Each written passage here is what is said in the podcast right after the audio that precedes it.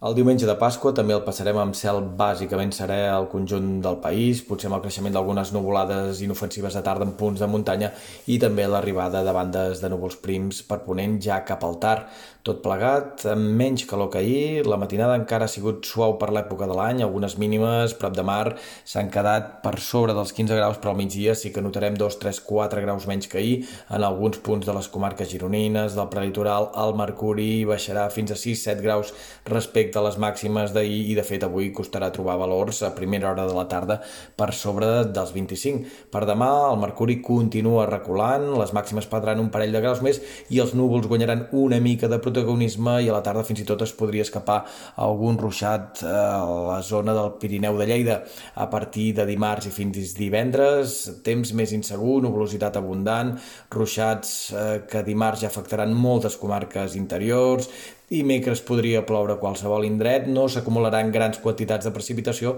però poc o molt en aquests 2, 3, 4 dies acabarà plovent a tot arreu. Les temperatures acabaran de recular i la neu es podria veure a partir de només 1.500 metres d'altitud.